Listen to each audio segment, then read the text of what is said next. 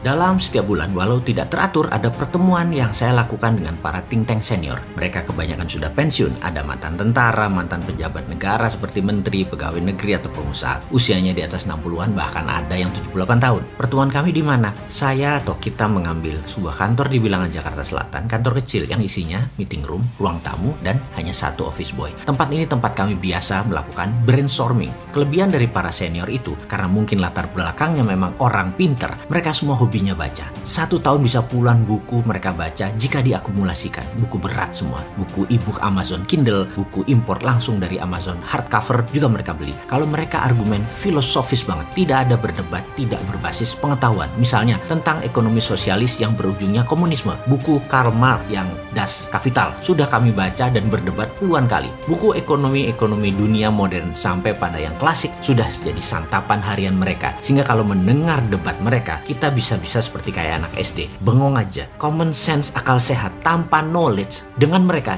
jadi lucu. Di dalam diskusi, jika kita berada di tengah mereka, jangan coba-coba nyeletuk karena pasti ditanya apa latar belakang pemikirannya dan apa landasan ilmu yang barusan dipertanyakan. Contoh diskusi kemarin. Mas, apa pendapat Anda tentang ideologi Indonesia? Apa ideologi bangsa Indonesia kini sekarang? Demikian pertanyaan dibuka ke saya oleh seorang yang paling banyak ilmu ekonominya menurut saya. Saya jawab Pancasila, Bhinneka Tunggal Ika, NKRI dan UUD 45. Kalau disingkat PBNU. Demikian saya menjawab. Itu bukan karena saya dari keluarga NU, tapi dari dulu itu yang ada di benak saya. Pancasila, Bhinneka Tunggal Ika, NKRI dan UUD 45 dilanjutkan olehnya. Oke, kita ambil kata Bhinneka Tunggal Ika. Saya mau mengingatkan beda loh Bhinneka sebelum kemerdekaan 45 dengan Bhinneka sekarang. Saya tanya, kalau ada uang 10 triliun di kas negara, bagaimana membaginya agar adil? Berdasarkan apa membaginya agar adil? Berdasarkan agama kah? Islam pasti yang terbesar. Berdasarkan suku kah? Jawa pasti yang terbesar. Berdasarkan domisili, Pulau Jawa yang terbanyak. Dengan cara begini, Papua yang nggak akan pernah dapat apa-apa. Minoritas di semua sisi. Secara suku minoritas, secara agama minoritas, secara wilayah minoritas, secara penduduknya minoritas juga di Pulau Papua. Di mana keadilan kalau dipakai berdasarkan kalkulasi seperti itu? Fahamkah bernegara itu yang namanya harus adil? Hanya orang berilmu dalam baru bisa paham adil itu bagaimana, bukan sekedar adil itu apa. Dia melanjutkan. Lihat saja kekayaan Papua dari Freeport. Membaginya bingung kan? Lalu bagaimana keadilan itu ditegakkan?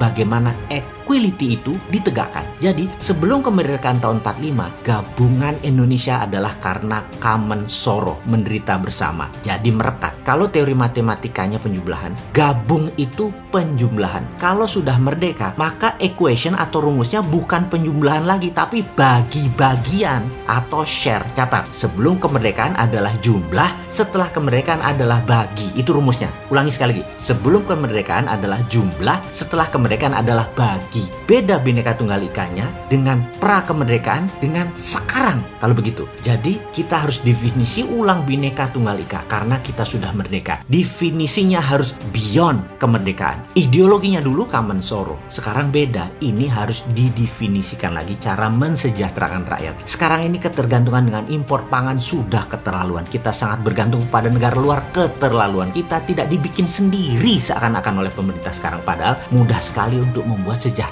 itu. Sejahtera adalah ketika semua kebutuhan dasar sebuah rumah tangga sudah bisa terpenuhi dan masih terdapat uang sisa di kantong sebagai disposable income, maka rakyat sejahtera. Kalau tidak punya uang sisa, uang pak atau habis rakyat tidak sejahtera. Ukuran sejahtera adalah adanya disposable income yang dimiliki setiap keluarga. Semua bisa dibuat rumus matematisnya. Demikian dia memulai keilmuannya di papan whiteboard. Dasar pertama, bagaimana mensejahterakan rakyat. Bagaimana bisa SPP, sandang pangan papan, terpenuhi dengan cepat. Salah kalau fokus di growth ekonomi seperti sekarang itu terus digadang-gadang pemerintah. Yang ternyata menimbulkan ketimpangan sosial tetapi harus fokus pada equality. Kesamaan kesempatan peluang yang adil dan mudah dicapai. Nah, kalau dia udah ngomong kayak gini, saya selalu bengong karena sering nggak paham. Pebisnis dipaksa memahami tata kelola bernegara coba. Orang kayak saya ini kan pebisnis. Tata kelola negara itu benar-benar ribet bagi saya. Walaupun simple banget logikanya mudah diterima, tapi memang harus difahami oleh banyak orang terutama penyelenggara negara. Dan sementara orang kayak saya berusaha menelannya aja sudah susah. Jadi, saran kita harus bagaimana? Saya bertanya seperti kebiasaan saya. Pertama,